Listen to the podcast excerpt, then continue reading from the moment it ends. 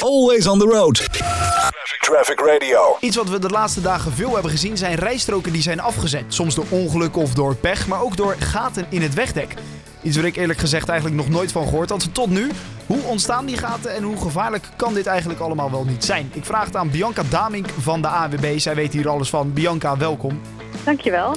Allereerst, hoe ontstaan die gaten precies in het wegdek? Ja, het is een, uh, wel een wat technisch verhaal.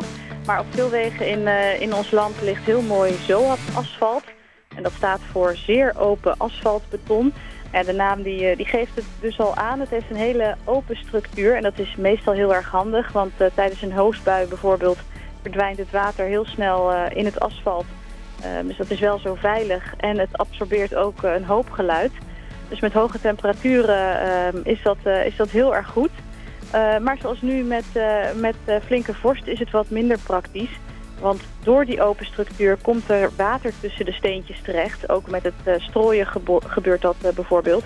En dat water bevriest en het ijs zet uit. en daardoor laat die steentjes op een gegeven moment los. Nou ja, wat je dan krijgt is een soort gravel van asfalt.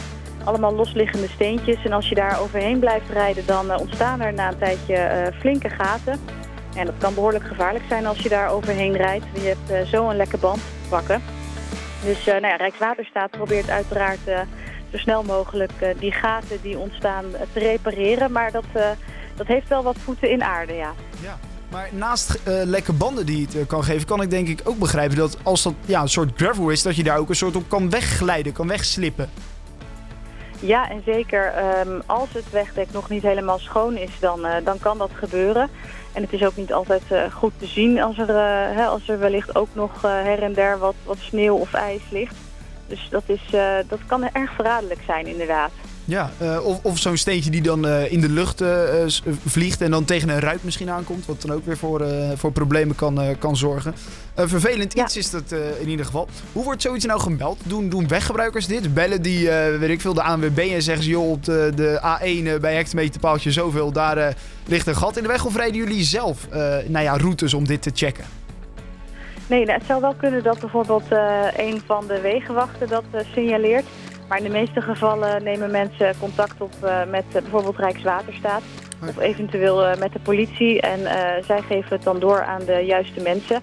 Rijkswaterstaat kan dan zorgen dat er zo snel mogelijk rijstroken worden afgesloten. Zodat je de rijstroken waarin een gat ligt niet meer gebruikt. Um, en daarna gaan ze aan de slag om het, om het te repareren. Ja, dus dat kunnen we dan doen. Rijkswaterstaat bellen, mocht je zoiets zien. Hoe snel is ja. dan zoiets iets opgelost? Als ik nou hoor, hé, hey, ik rij op de snelweg waar dus inderdaad aan de weg wordt gewerkt vanwege een gat in, uh, in het wegdek. Kan er dan een hele lange file door ontstaan? Gaat dit heel lang duren? Ja, nou in sommige gevallen, uh, bijvoorbeeld nu zijn er zelfs twee of soms drie rijstroken afgesloten. Gisteren op de A1 richting Hengelo waren er uh, drie rijstroken dicht bij Twello, bijna de hele dag. En nu zijn daar ook nog twee rijstroken afgesloten. Dus er blijft niet zoveel ruimte meer over. En dan uh, nou ja, heb je zomaar uh, een half uur of drie kwartier vertraging. En uh, er zijn nogal wat gaten in het wegdek ontstaan op dit moment. Dus Rijkswaterstaat is ook niet zomaar ter plaatse om alles te repareren. Dus dat, dat kan best wel even duren. Vaak gaat het ook s s'avonds en s'nachts gewoon door. Um, en door die lage temperaturen is het ook niet zo makkelijk om dat te repareren. Want dat is ook nog best best lastig om het asfalt er weer netjes in te krijgen met die kou. Ja, en als je het ene gat gemaakt hebt, dan uh, ontstaat er aan de overkant weer een nieuw gat. Uh. Precies, ja, ja, want het is niet alleen bij, uh, bij, bij zo asfalt, maar bijvoorbeeld ook wat ouder asfalt. daar, daar kunnen ook gemakkelijker scheurtjes in, in ontstaan. Dus dat kan in principe overal gebeuren. Okay, nou, dat moeten we dus allemaal goed in de, in de gaten houden. Mochten we zoiets tegenkomen, dan kunnen we dus Rijkswaterstaat bellen om nou ja, alles veilig ja. te houden. Precies. Oké, okay, top. Bianca Daming van de AWB, bedankt voor uw tijd en toelichting. Graag gedaan. Traffic Radio.